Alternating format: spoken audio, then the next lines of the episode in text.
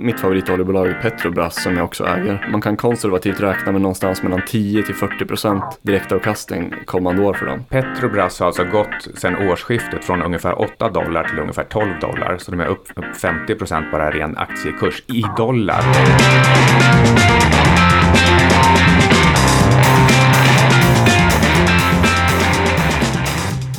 Hej, du lyssnar på 25 minuter med Syding och eh, Sundström. Tja Ludvig. Tjena Micke, hur står det till? Jo då, det är bara bra. Eh, det är sjukt bra väder om man bortser från att det är lite fuktigt och tropiskt. Ja, det är nu den här tiden i Stockholm det är som bäst, de här tre månaderna. Igår kväll så kändes det verkligen som om man var utomlands. Det var proppfullt med svettiga ungdomar på hela stan som hade kommit in från Lollapalooza. Mm. Det var ju rätt länge sedan vi spelade in något avsnitt och anledningen till att det här avsnittet blev av det är att ehm, eh, här om dagen i onsdags blir det väl så eh, höll jag ett sånt här finanskursen plus webbinar och i det så fick jag en fråga om min övergripande syn på, på makroekonomi och på utvecklingen för Stockholmsbörsen framöver. Och då blev det ett 12 minuters eh, svar, bara, bara det är ju kanske låter lite märkligt, men, eh, men det blev ett eh, väldigt eh, lättillgängligt och, och väl sammanhängande svar om min totala syn på, på makro och börs. Så eh, det triggade faktiskt det här avsnittet, så jag tänker lägga med de 12 minuterna i slutet, men också ta tillfället i akt just nu och, och prata igenom investeringar, konkreta, intressanta bolag eh, och även eh, ja, men kanske lite allmänt prat om, om hur, man, hur man gör analyser. Ja, sen jag kom på lite, efter jag lyssnade på det där så kom jag på ett gäng osökta idéer bara liksom. Och eh, som en summering så techbolag, makro allmänt, olja, oljebolag, småbolag och eh, net liquidity. Det är några grejer jag tänkte ta upp här. Mm. Och eh, eh jag fick även igår en, eh, en plötslig fråga på, på e-mail av en, en bekant i branschen som eh, de håller på att skriva en, eh, en liten artikel om eh, hur olika investerare ser på, på världen just nu och, och frågar dem så här, vad skulle du, hur skulle du placera 50 000 kronor just nu? Och det, och det var då byggt på att genomsnittssvensken sparar eh, 50 000.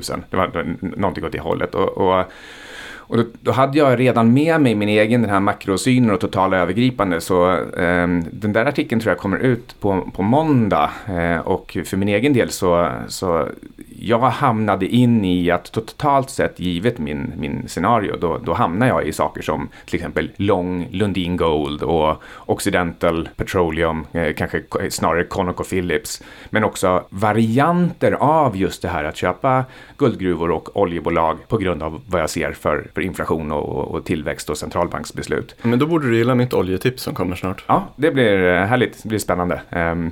Det, jag, det, jag tror att det är mer trysch i, i ditt tips än i mina. Mina var, ehm, eh, hade som förutsättning också att eh, nu är hushållen oroliga för sin ekonomi på grund av hög inflation och högre räntor. Eh, hur ska ett hushåll som är oroligt över sin ekonomi och att ha råd eh, att, att leva, hur ska de tänka med sina placeringar? Eh, så då höll jag nere risknivån i svaren. Mm.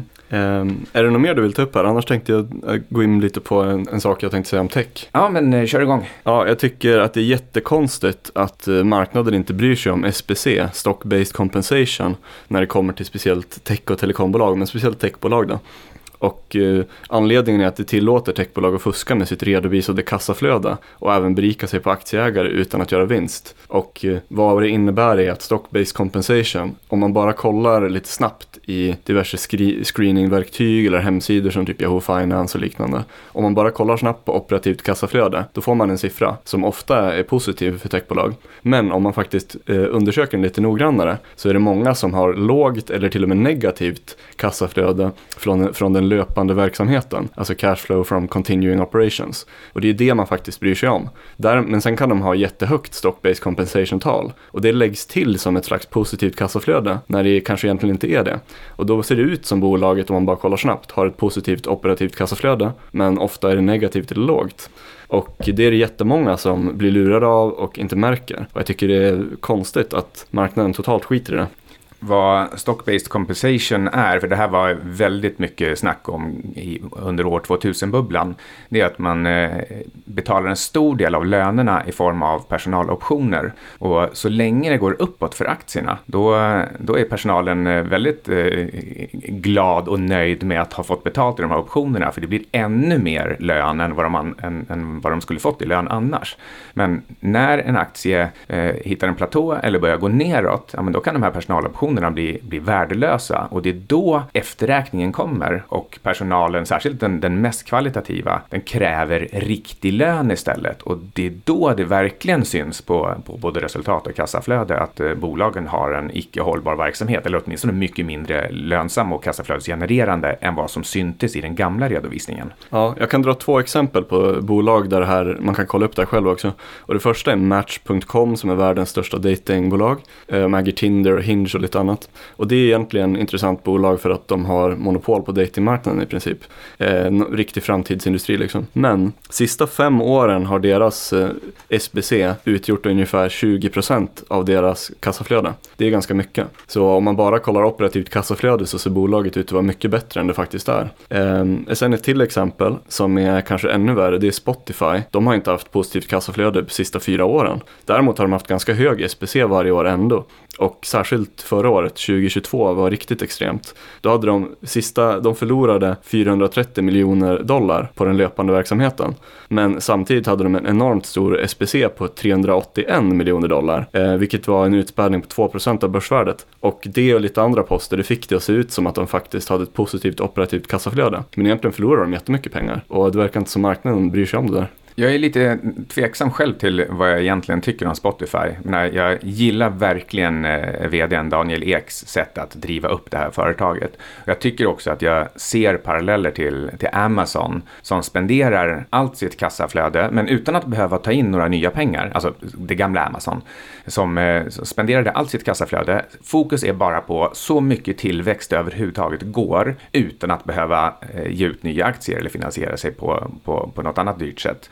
Men, men eh, och, och, och, eh, eh, och det, det, här verkar också lyckas. De växer med liksom 20-25 procent konsekvent. Det, det är väldigt likt Amazons första 10-15 år. Ehm, men, och, och, det här gjorde att jag var extremt positiv till, eh, till Spotify. Jag har varit i flera, flera omgångar, men, men särskilt i, i höstas när de var nere i, i 70 dollar. Men nu står de ju i 170 dollar. Och som du säger, de har den här, eh, eh, vad ska vi kalla det för, in, inte buffert, motsatsen till buffert, alltså en, en, en, slags bila som hänger över nacken i form av stock-based compensation. Att de eh, började knaka lite grann i affärsmodellen eller tillväxttakten och särskilt för aktien, då kan det där komma tillbaka och, och bita dem i svansen. Men, men, jag undrar om de någonsin kommer tjäna några pengar eller bry sig om aktieägarna och ge någonting. Ja, jag, jag, jag har hört att eh, eh, vdn har pratat om någon slags här, eh, kapital 2.0, att det, det, går inte ut på att tjäna pengar, det går ut på att eh, potentiellt tjäna pengar fem eller tio år längre fram. Men man kommer aldrig dit och man behöver aldrig komma dit heller för att man hela tiden kan, eh, det blir nästan som det här med pure play, no revenues, no revenues, no profits i, i eh, Silicon Valley. Ja, just det. Mm. Men, men att man, eh, eh, så länge man växer fort, då kan man dingla den där moroten framför, framför investeringsåsnorna och, och säga att men, vi kan skapa vinster hur stora vi vill sen. Eh, bara det att vi vill inte vrida på vinstkranen förrän vi är så stora att vi är helt omöjliga att komma ifatt. Men ja, jag är mycket tveksam alltså. Är, om man kollar historiskt hur ofta det stämmer, då är det typ, det är inte så många andra bolag än TCI och kabelbolagen som lyckades med den där strategin. Mm, mm. Nej, och eh, risken är att ehm, eh, lyckas man bli världens största bolag, som till exempel Cisco gjorde år 2000, eh, då var de värda 500 miljarder dollar, vilket var ojämförligt störst i världen. Och sen föll de ju också, eh, jag kommer inte ihåg om det var 90 eller 98 procent eh, och, och är fortfarande inte i kapp sitt gamla börsvärde. Eh, jag gjorde en liten parallell mellan Cisco och Nvidia nyligen för att det, det, eh, det, blev lite samma typ av hype. Men Nvidia är bara värt en trillion medan Apple är värt 3 trillion. Så trots att Nvidia är, kan vi säga, år 2000s Cisco, alltså världens häftigaste bolag i världens häftigaste sektor, är totalt ointagliga och det är liksom mitt i liksom den mest hypade hypade hypevågen av alla med AI och då, då var det ju liksom internet. Eh, och lägga backbone för hela internet och nu är det backbone för hela AI-hypen.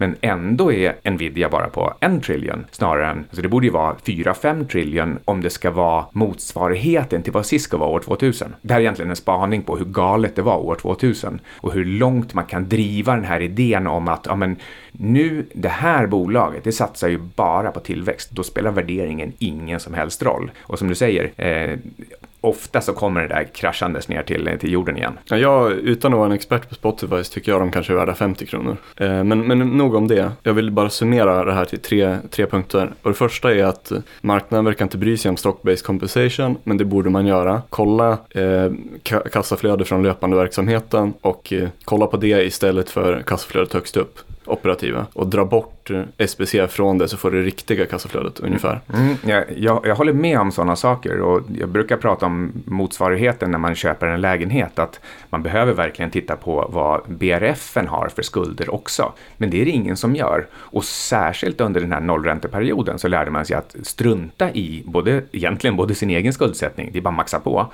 men särskilt också att man struntade i hur mycket BRF var skyldig.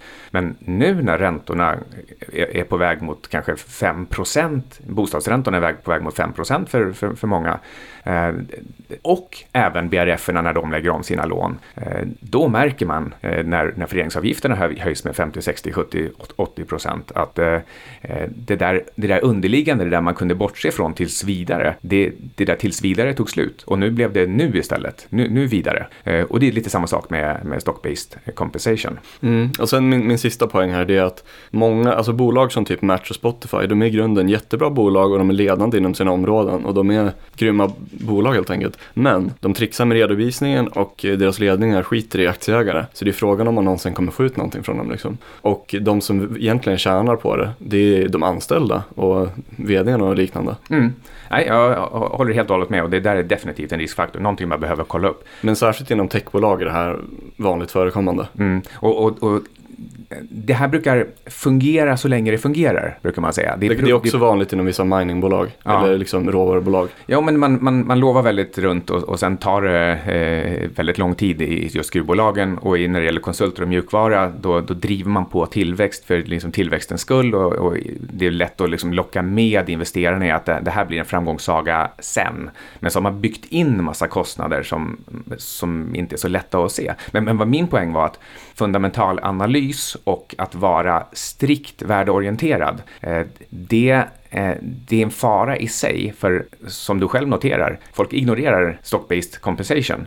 Och det kan man göra så länge det går uppåt, för att det, det är procykliskt. Det, det attraherar den bästa personalen och det får kursen att gå upp och då blir, det, då blir de här ännu mer värda och så, så fortsätter det åt det hållet. Och dessutom så ser vinsterna högre ut än vad de annars skulle göra. Ja, och bo, många, alltså många använder ju, inklusive jag, till exempel tjänster som börsdata och sådär. Och där får du felaktigt kassaflöde eh, om du inte kollar upp själv. Det finns många bolag som har alldeles mycket bättre kassaflöde på siffrorna där än de faktiskt har. Så eh, för de har bara lagt in stock-based compensation inkluderat i operativa kassaflödet. Ja, innan man eh, gör en investering så ska man ju verkligen göra sin egen analys av de riktiga siffrorna från källan. Eh, inte använda de här eh, programvarorna som, som aggregerar massa olika eh, företag och bara system eller mekaniskt lägger in eh, resultat och balansräkningar. För Eh, eh, dels kan det bli fel och dels efter, när allting ska göras på exakt samma sätt så, så riskerar nyanserna att försvinna. Eh, och det är klart att eh,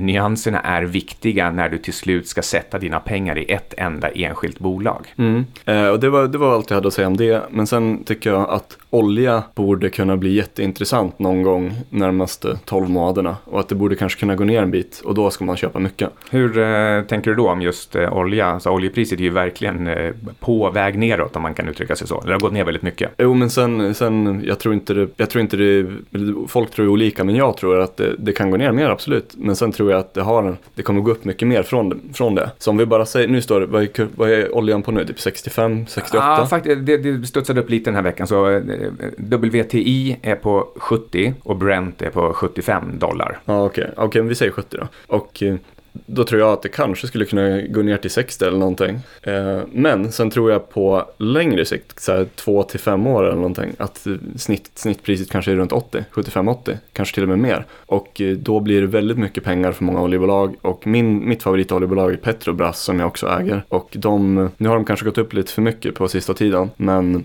man, man, man kan konservativt räkna med någonstans mellan 10 till 40 procent direktavkastning kommande år för dem. 10 procent är då på botten och 40 procent är högt. Så ja, men 20-25 procent varje år i flera år i rad i direktavkastning, det tror jag på. Och mycket, mycket högre om man lyckas köpa på en låg nivå. Så ehm, Petrobras har alltså gått sedan årsskiftet från ungefär 8 dollar till ungefär 12 dollar, så de är upp 50 procent bara ren aktiekurs i dollar.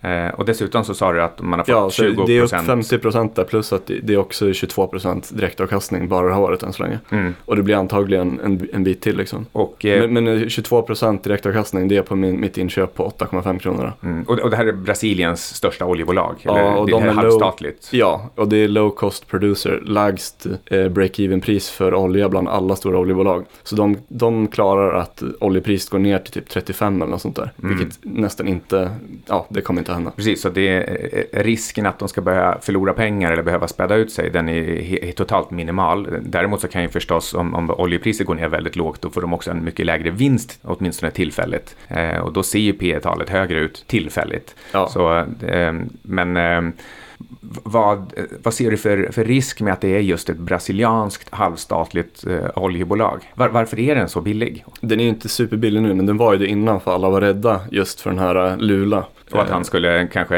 Ja, förstatliga det. Mm. Men nu, ja, det, det, har inte hänt och det kommer nog inte hända. Och de, staten behöver, de här, det är ju de som är huvudägarna av bolaget. Så de vill ju ha fortsatta utdelningar. Det är därför de har den här policyn med väldigt generösa utdelningar. Mm. Och eh, den är minimum 25% av vinsten och sen som extra utdelning 60% av fria kassaflödet. Mm. Och alltså det, det, det, här, det, kommer de hålla så länge de har eh, under 50 miljarder i skulder. Mm. Och de de, har mindre än det liksom och det, det kommer de fortsätta ha. Så jag, jag, räknar med att det händer i ja, kanske tre fyra år till eller något. Mm. Jättehög direktavkastning. Och också 70% belåningsvärde och man kan låna till typ 3-4% ränta. Så det är en ganska stor arbitrage på direktavkastningen också. De, eh, de flesta andra stora oljebolag som till exempel de som jag nämnde, Occidental Petroleum som är eh, Warren Buffetts favorit och eh, och ConocoPhillips som faktiskt är min favorit. Eh, de ett handlas typiskt sett på ungefär åtta gånger vinsten eh, och eh, har ingen egentlig organisk tillväxt. Alltså det, det, det, kommer inte upp mer olja, det kommer inte upp liksom fler, fler miljoner liter olja.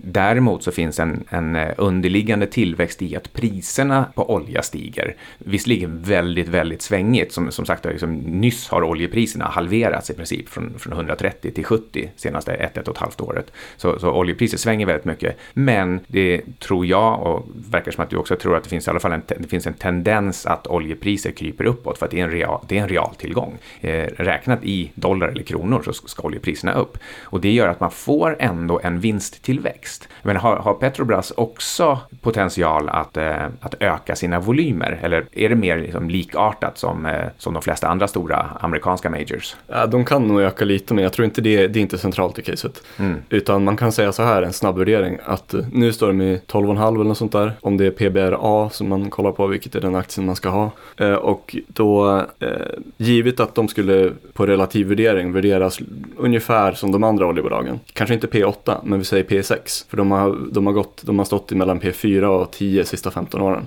Så om vi säger 6 ändå hyfsat konservativt. Om det händer inom 3 till 5 år, då går de upp till typ 30 ungefär. Plus att, så det, ja, det är liksom, om det tar tre år då är det 30% i aktiekursstegring per år i tre år. Om det tar fem år då är det 17% eh, aktiekursstegring i fem år.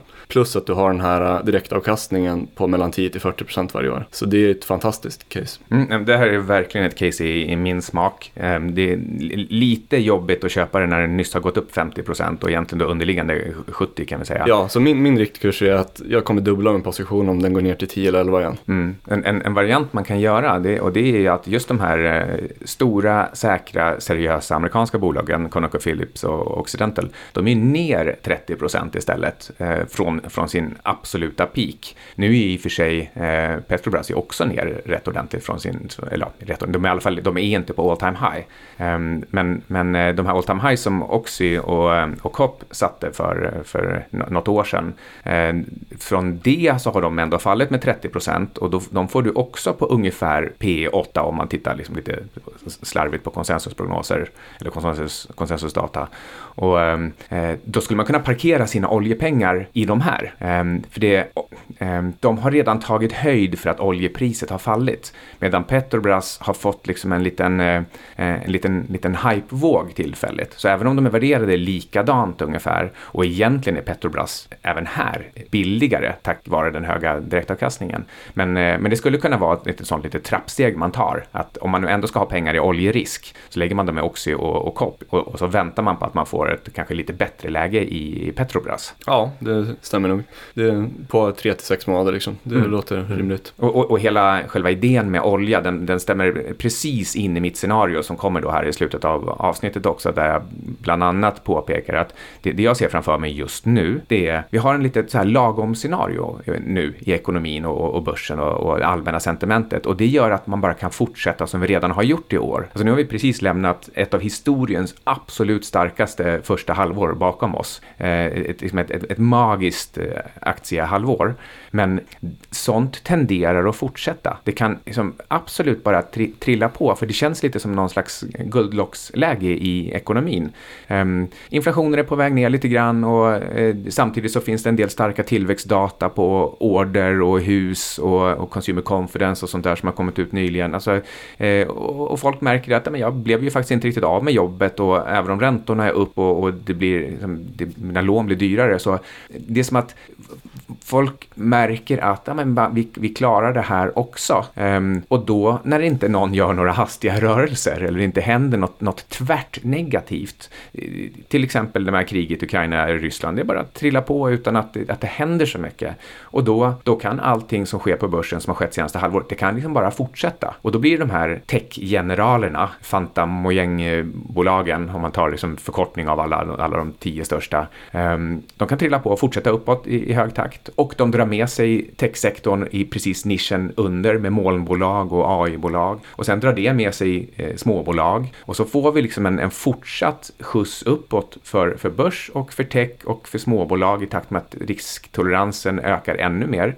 Ehm, och, och där någonstans kan vi börja springa in i en fasförskjutning för energipriser. Att vi kommer till vintern och vi märker att det är ju faktiskt brist på, på kolväten. Eh, och oljepriserna, de står för lågt. Det finns för lite olja. Eh, och det är där någonstans det kan bli, bli en förändring. Men eh, hur, hur ser du eh, eh placeringsuniversumet? Eh, nej, men det, jag håller med om det du säger där och så allt som jag sa innan. Men det är just det där att det kan vara recessionsrädsla eller att det kanske blir en riktig recession nu äntligen och då går antagligen råvaror ner för mycket, för fort. Eh, mm, och det, då blir det ett fantastiskt köpläge för jättemånga råvaror om det händer. Mm. Så det är det jag sitter och väntar på att kanske ska hända då. Mm, och, och, det där och då kommer jag öka rejält i olja. Mm, och, och, det där passar in precis i mitt det här scenariot att det fortsätter som det redan har gjort det här halvåret. Det vill säga att tech fortsätter upp, olja fortsätter ner. Eh, och någonstans på vägen sen om några månader, då reverseras båda de där två. För när, när oljepriserna väl bottnar och drar iväg, då, då kommer vi också, då börjar det inledas en andra inflationsvåg. Den som man nu har, har, har tänkt, ah, vad, vad skönt, vi fick kontroll över det, centralbankerna pausar och sänker, eh, det är därför vi törs dra long duration assets som, som teknik. Men, men eh, det jag tror kan hända är att det här som vi, som vi är inne i nu, det bara fortsätter som det redan har gjort. Det kan vända om kanske ja, men någon, gång i, någon gång i höst. Eh, och då får vi istället stigande olja och råvaror och inflation. Centralbankerna får göra en pivot, men inte den pivot som alla eh, eh älskar och önskar, utan det här blir en pivot uppåt. Och det kan reversera eh, trenderna. Och, och, det är då man verkligen vill ha de här alldeles för billiga oljebolagen igen. Ja, jag har bara tre saker till lite kort att säga här. Eller först och främst, eh, på tal om AI. Jag läste en intressant artikel nu i morse om eh, en av de faktiskt riktiga use casen för AI. Och det, det var några som hade byggt ett program med hjälp av ChatGPT för att skapa NPCs i datorspel. Så att de liksom får en mer levande dialog som och, också baseras liksom på en kombination av vad andra NPCs säger. Så att det blir som, ja, det blir som att de blir lite mer levande och de kan säga säga massa saker som har att göra med vad andra personer, kanske i en by eller någonting i ett spel, säger. Typ, ja.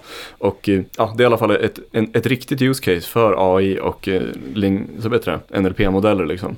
Och eh, det tyckte jag var intressant. Men sen sa den här personen som, det var, jag tror det var på Stanford, någon forskarteam som har byggt den här modellen då, sa att ja, det här tar kanske två, tre år innan folk använder det lite i indie-studior och antagligen tio år innan stora spelbolag börjar använda det. Så det, är liksom, det indikerar på hur mycket folk, jag tror folk är på tok för överoptimistiska när det kommer till AI och jag tror det kommer ta många år innan det faktiskt har en stor effekt. Men på, på lång sikt så har nog en väldigt stor effekt. Jag såg faktiskt en, en spelscen som uh, var skapad för just det här. Det var någon slags uh, rymd-space-framtid i en, i en bar. Uh, och så kommer man fram och ska liksom, prata med bartendern och, och, då hade bartendern, den var uppkopplad mot liksom, en, en LLM-modell så att man faktiskt fick en riktig konversation. såklart styrd lite grann av vad, vad spelet ska, ska gå någonstans. Um, och jag, tror precis som du att det här är lite av en, en red herring. Eh, till slut så gick LLM-modellerna över en tröskel som gör att vi människor bara tycker att men, jag, får en naturlig dialog här. Och, och det, är lite, det är lite kul i ett halvår, ett år. Men, men det, det, det finns ingen riktig eh, användbar eh, nytt starkt use case för det egentligen. Alltså det, vi, vi, är, vi är lite lurade av den här känslan av att men nyss var chatbots helt värdelösa. Det blir bara löjeväckande resultat. Till att plötsligt känna, att ah, det här är ju nästan som att prata med en kompis. Plus att den här kompisen kan saker. Mm. Um, men, men, men, men det går inte riktigt att använda till någonting. Och inte ens i datorspel direkt. För, för man märker att ja, men, om du inte kontrollerar hårt vad den faktiskt får säga, ja, men då avviker den och hallucinerar och, och säger saker som inte har med spelet att göra. Så du måste ju ändå ha styrt in dialogen på precis det du vill för att ens kunna använda det i ett datorspel. Ja, men, men det var intressant i alla fall att höra en nykter syn av det är så jäkla mycket skitsnack när det kommer till AI. Alla som har ett företag eller ska hypa upp det där. Det är samma som krypto. Det är så här 5% kunniga, ärliga personer och resten är bara charlataner och luras liksom. Eller har något att tjäna på att lura andra. Så det är, ja, det, men det var intressant att han, han var ärlig med att det kommer ta jättelång tid liksom. Mm, mm. Det är inte de flesta andra. Eh, sen en sak när det kommer till makro. Tycker du inte det är lite konstigt att guldet inte klarade att hålla 2000? Det blir nere på typ 1900 nu. Ja, det är faktiskt, jättesvagt. Det är faktiskt lite märkligt. Alltså då, det, det betyder att eh, guldet har det, det, föll väl med ungefär 8 procent och det vill, det vill säga att det är typ ungefär 8 procent upp till all time high. Den var uppe i 2080 här för, för ett tag sedan. Det kom liksom en spike upp. Ja, jag, jag noterade det och så tänkte jag oj, nu kommer 2010.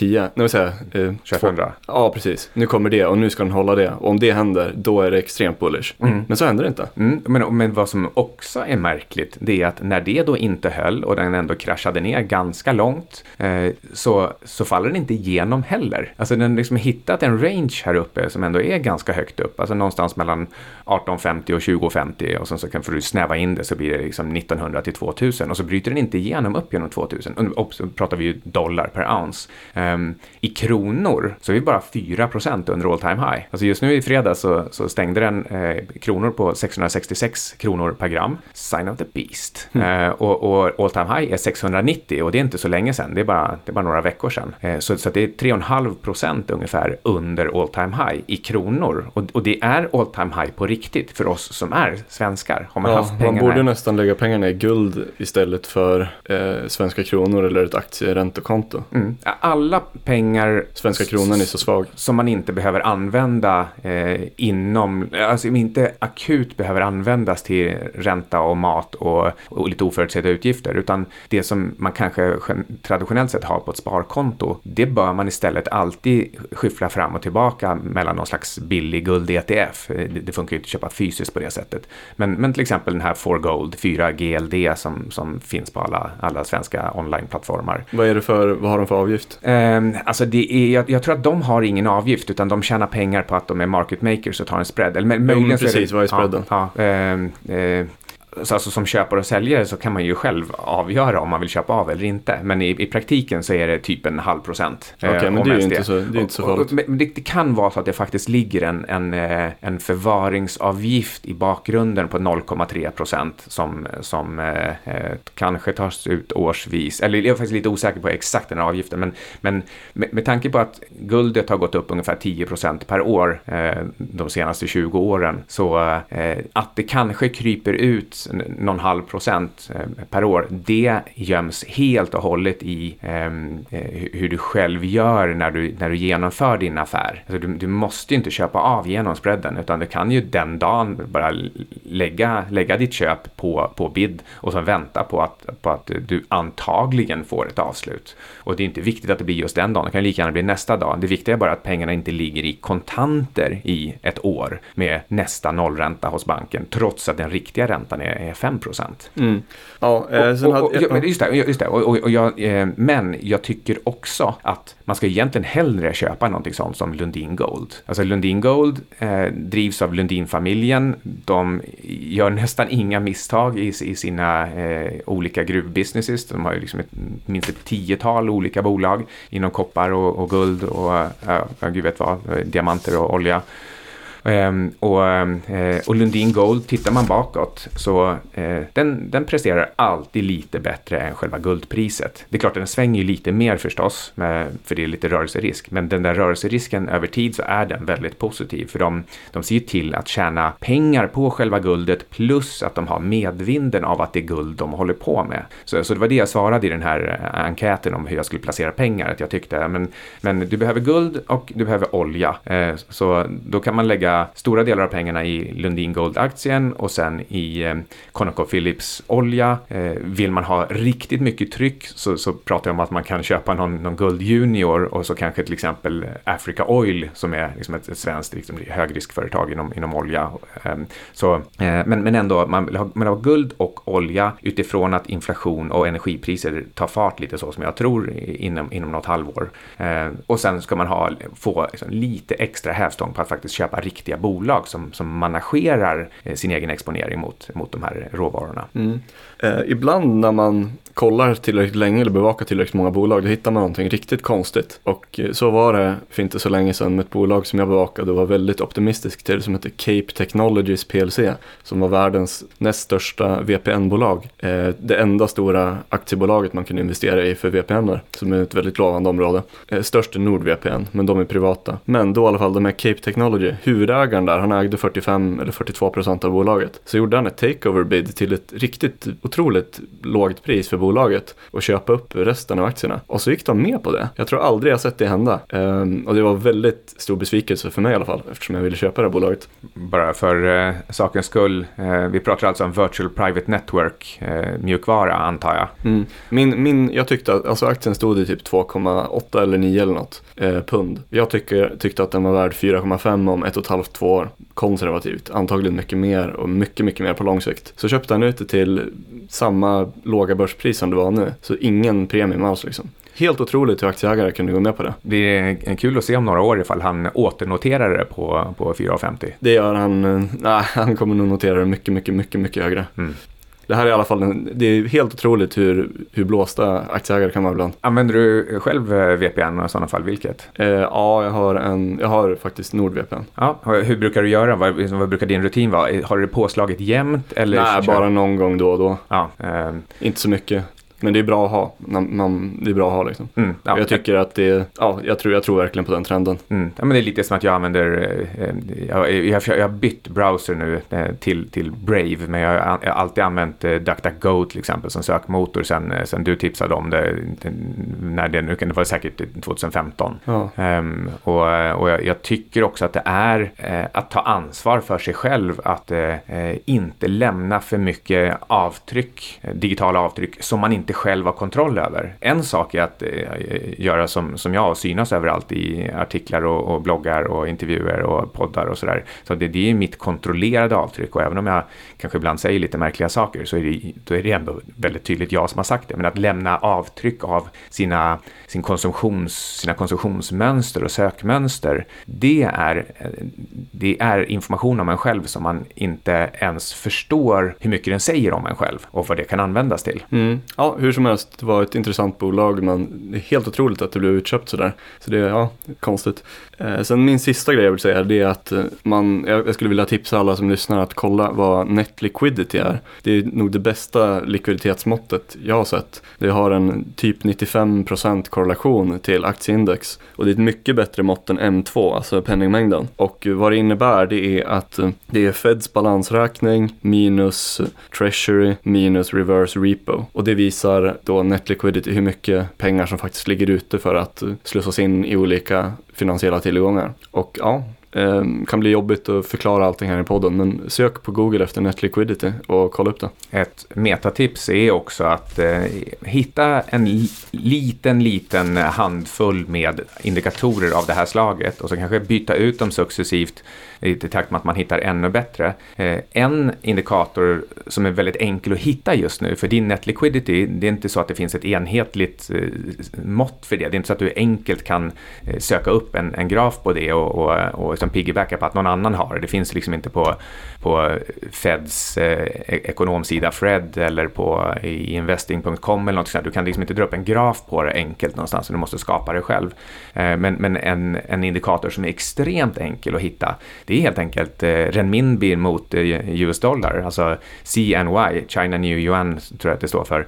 Eh, den, alltså kursen på eh, dollar yuan, eh, den, den med viss Eh, eh, vad heter det, lead-effekt, alltså den, den, är, den, är, eh, den påverkas tidigare än att man ser vad som sen händer, eh, så förutspår den ekonomiska problem. Alltså framförallt så är den då egentligen ett symptom på likviditetsbrist och brist på, på panter, alltså collateral, i hela eurodollarmarknaden. Eh, och den här kunde man se, alltså den har framförallt så såg man det 2008 i den krisen och sen har den blivit mer och mer ledande inför kriser. Så 2014, 2016, 2018, 2020, man kan liksom bara räkna med 2022 inte minst. Eh, och just nu så har den här då eh, spikat eller rasat beroende på vilket håll du vill titta på den. Men, men, men eh, senaste eh, tre, fyra månaderna, eh, då har den verkligen, alltså efter den initiala euforin över Kinas återöppnande och hur bra allting skulle bli, då det såg ut som att yuanen stärktes ett tag, nu har den bara, liksom, den har bara rasat. Eh, så att nu skriker den här indikatorn att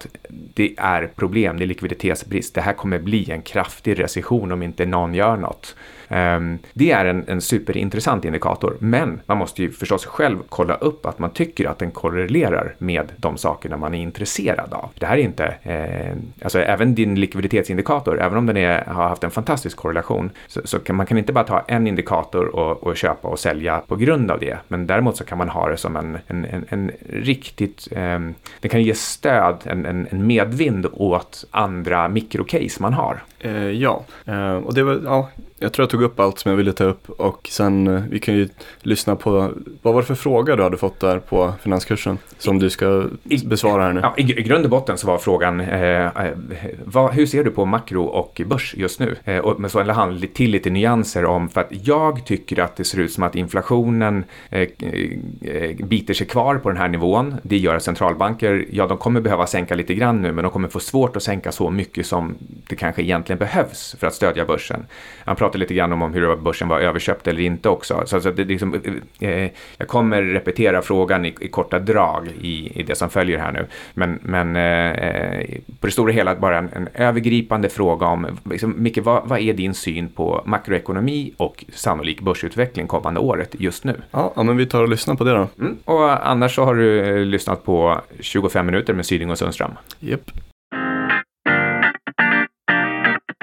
Jag tror det fortsätter som hittills i några månader till, det vill säga uppåt och framförallt för techbolag. Sen i nästa skede så är jag förstås mycket, mycket mer osäker på vad som ska hända, men, men eh, med en mycket, mycket otydlig eh, tidshorisont, hur långt bort det händer, eh, så tror jag att vi får en, faktiskt en fasförskjutning i, i energipriser, alltså som gör att de, de drar iväg ordentligt och att det kan ge en infla, ny inflationstopp och nya höjda räntor. Det triggar nedgången för, för techsektorn som i sin tur sen triggar ytterligare nedgång för, för allt, inklusive en, eh, en rejäl recession.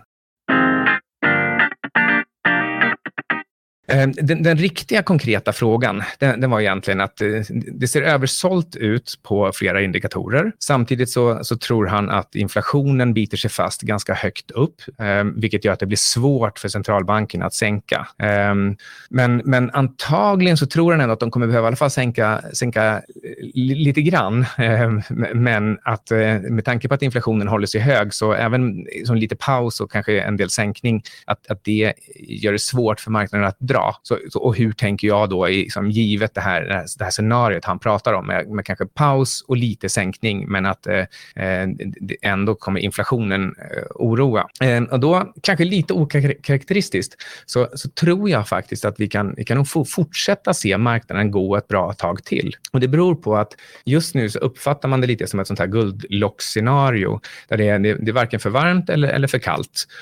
Och, eh, och det gör att man, det vi ser nu, ja, inflationen är ganska hög och lite, eh, kärninflationen ser ut att bita sig fast lite grann, men, men den är också på väg ner. Den hotar inte längre i det att den bara accelererar uppåt eller stannar högt. Den, den ser ut att ha bildat en rund topp. Och det, eh, det gör att de stora pengarna försvinner inte ut från marknaden. De är kvar på marknaden. Och Då tenderar marknaden att snarare rotera mellan branscher än att allting eh, ska ner. Eh, och, och, och, då har vi eh, det här vi pratade om jobbhamstring innan också, att, att vi, har en, vi har en lagom fallande inflation och i, i jobbhamstringsfrågor liksom, så, jag menar, då ser det ju ganska lugnt ut. Då, då, blir det ingen som, som tar första steget och börjar med massuppsägningar. Um, och, och tittar vi mot, mot USA, då, då kom bara häromdagen så kom det in jättestarka durable goods orders-siffror och order, nya order, det är generellt sett en, en av de få bra indikatorerna. Sen fick vi två andra som är lite mer så flimsiga, eh, men det var eh, stark consumer confidence.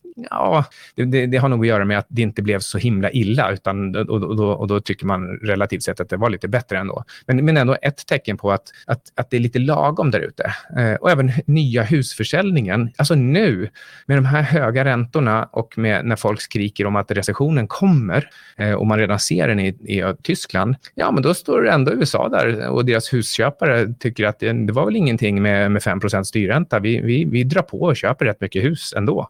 Och, och, och sammantagna bilden av det här, det blir att det är lite okej. Okay. Det är i alla fall mycket, mycket bättre än den där oron vi kände för ett tag sedan då det såg ut som att allting skulle smälta ihop och det var bankkris och allt möjligt.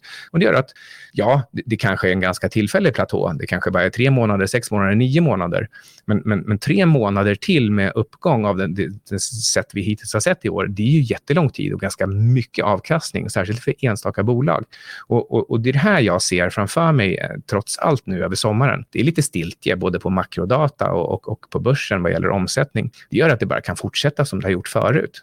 Så rest, resten av sommaren kan se ut som hittills har sett ut 2023 det väller in pengar som ska hitta det som funkar och då köper man Megatech, de, de största 5-10 techbolagen. Och, och, när de fortsätter att ralla vidare så då drar de med sig sektionen precis under. Och då blir det allt som har med AI och molntjänster och liksom den typen av spännande saker där man kan se framför sig att, lite som jag ser i gruvbolagen, att det här kan bli jätte, jättebra om de verkligen lyckas. Eh, så, så att det är värt att ändå vara med. Och, och jag har inte lust att köpa just liksom Apple och Microsoft och allt, liksom, allt vad som drar i toppen. Så jag köper molnbolagen strax under. Men, men, men i alla fall, eh, eh, jag ser framför mig mer av samma sak så länge det inte kommer någonting, en, en fasförskjutning, någonting helt nytt. Eh, det paradoxala med det här då, det är att eh, det som jag kallar för det viktigaste i ekonomin, alltså så energi och råvaror, eh, materialet som vi behöver för att faktiskt skapa vår välfärd snarare än att liksom bara spela datorspel eh, och, och meningslös admin-mjukvara. De här riktiga sakerna sakerna de blir bara billigare och billigare. Gruvor, olja och koppar, liksom all, all, all, allt sånt där är på väg neråt. Koppar är ju jättesvag trots att vi står inför en elektrifiering och alla i branschen säger att det, det, det, finns inte ens en tiondel så mycket koppar som vi kommer behöva om tio år. Det finns inte en chans att hinna bygga gruvor ens för så mycket koppar. Men alla bara visslar förbi för att ja, men det, vi köper inte koppar just nu. Och, och, det som är lite extra paradoxalt med det, det är att nej, det gör vi inte, för Kina, har, Kina fick aldrig någon fart när de öppnade. De, de, de öppnade igen efter covid. De, de har ju till och med eh, eh börjat försöka stimulera bankerna lite grann med en sån här reserve ratio-sänkning. Eh, ehm, du, du kan se det i deras eh, valuta som också liksom, tappar mot dollarn eh, liksom för varje dag som går och, det, och den är på sin, en av sina svagaste nivåer på, på tiotals år och det, det ser ut som en, en, en, liksom en skiljelinje där, alltså ska den gå igenom där, då är vi inne på ett helt nytt typ av territorium för, för svag yuan. Och, ehm, eh, och, och, det indikerar då att ja, men det är ju verkligen en recession på gång. Man, man, man ser det i alla de här liksom, eh, riktiga råvarorna. De som det, vi tänker oss att det är slut på. Att vi har slut på energi, för vi hinner inte bygga ut solceller. Eh, vi har slut på koppar, för den, det är det som ska gå åt till all elektrifiering och alla nya bilar. Eh, vad, vad, som borde hända om ekonomin skulle vara lite stark, det är att alla de här råvarorna går liksom absolut till himmels och att det är de man ska ha och, och inte techaktierna.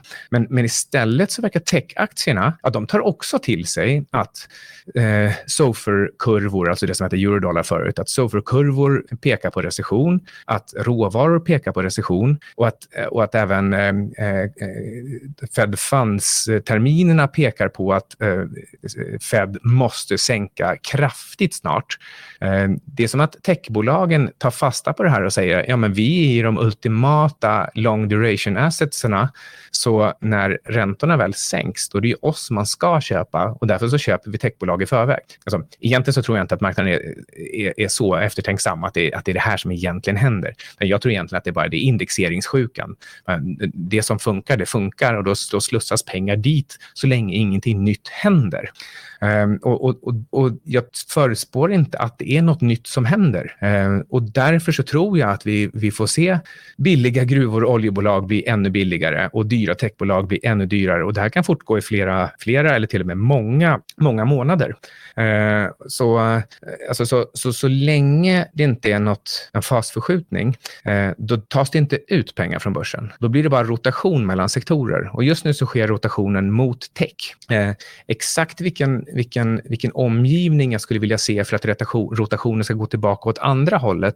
Den är lite, lite oklar, men, men det borde vara så att om ekonomin faktiskt visar sig bli starkare, det blir aldrig någon recession, ekonomin blir starkare, då borde det verkligen leda till råvaruinflation. Alltså priserna på olja och koppar inte minst, det borde gå, alltså det borde liksom tredubblas. Det, borde, alltså det, är, det är en riktig fasförskjutning uppåt, borde ligga i korten för koppar, olja, liksom, även mjuka råvaror, naturgas. Så att eh, om vi får en starkare ekonomi, eh, då kommer inflationen också dra. Och då måste nog centralbankerna ta i faktiskt ganska mycket, i alla fall mycket, mycket mer än marknaden tror. Marknaden tror ju att det kommer sänkning på sänkning på sänkning snart. Men det kan istället plötsligt kommer det liksom fyra höjningar till för att ekonomin är stark, råvaror går starkt, inflationen drar igen, vilket nästan alltid brukar göra. Och eh, eh då borde olja och gruvor gå bra när ekonomin går bra. Men techsektorn borde till slut ge upp, för den säger herregud, vi kan ju inte ha de här multiplarna. Våra kassaflöden ligger ju liksom tio år framåt i tiden eh, och, och, ska, ska räntorna fortsätta upp, då, menar, då, då, då, då är vi alldeles för dyra. Ehm, så, så, ehm, och dessutom så borde, borde de kunna få någon slags liksom, lite paradoxal double whammy av att först så säljer man dem på att räntorna går upp, eh, men så säljer man dem också lite extra för att man inser att eh, allt det här lullullet och, och, nice to have, det kommer man inte köpa på ett bra tag för, för räntehöjningarna kommer göra att det här som jag pratar om, den här mer och mer obalanserade ekonomin på, på grund av dummare och dummare centralbanker, det kommer leda till att efter den här liksom, boosten så kommer en desto djupare lågkonjunktur. För den, den är inbyggd, vi väntar på den. den, den, den ska komma. Det finns massa problem byggd, inbyggda på grund av eh, inte minst höga skuldberg och att man har pushat ekonomin ekonomin längre än man borde med alla, alla underskott och stimulanser. Ehm, så ehm, ja, det, det, eh, det, det, som, det som kanske till slut ändå behövs för att uppnå någon slags fasförskjutning, ehm, det, det är alltså dels en, en, en, starkare ekonomi och högre inflation. Eh, och, och det skulle kunna, skulle kunna liksom triggas av till exempel väder som gör efterfrågan på energi blir så hög att priserna drar iväg redan i förväg. Och högre priser på energi det utgör också en slags skatt på allt annat. Det är precis som att högre räntor utgör en skatt på, på, på, på pengar och då tas bort från, från allting annat, allt det vi egentligen vill göra. Så om, om oljepriset går upp och om räntorna går upp, ja, då finns det mindre pengar till precis allt annat. Eh, och Det skulle kunna skapa just den där, den där fasförskjutningen som, som egentligen till slut får allting att rulla över. Och vad, vad ska man äga i den omgivningen då? Alltså jag tror ju fortfarande att man, man, man ska äga det som är billigt och det som är grunden för hela ekonomin. Och då, då blir det energibolagen och det blir faktiskt också gruvorna.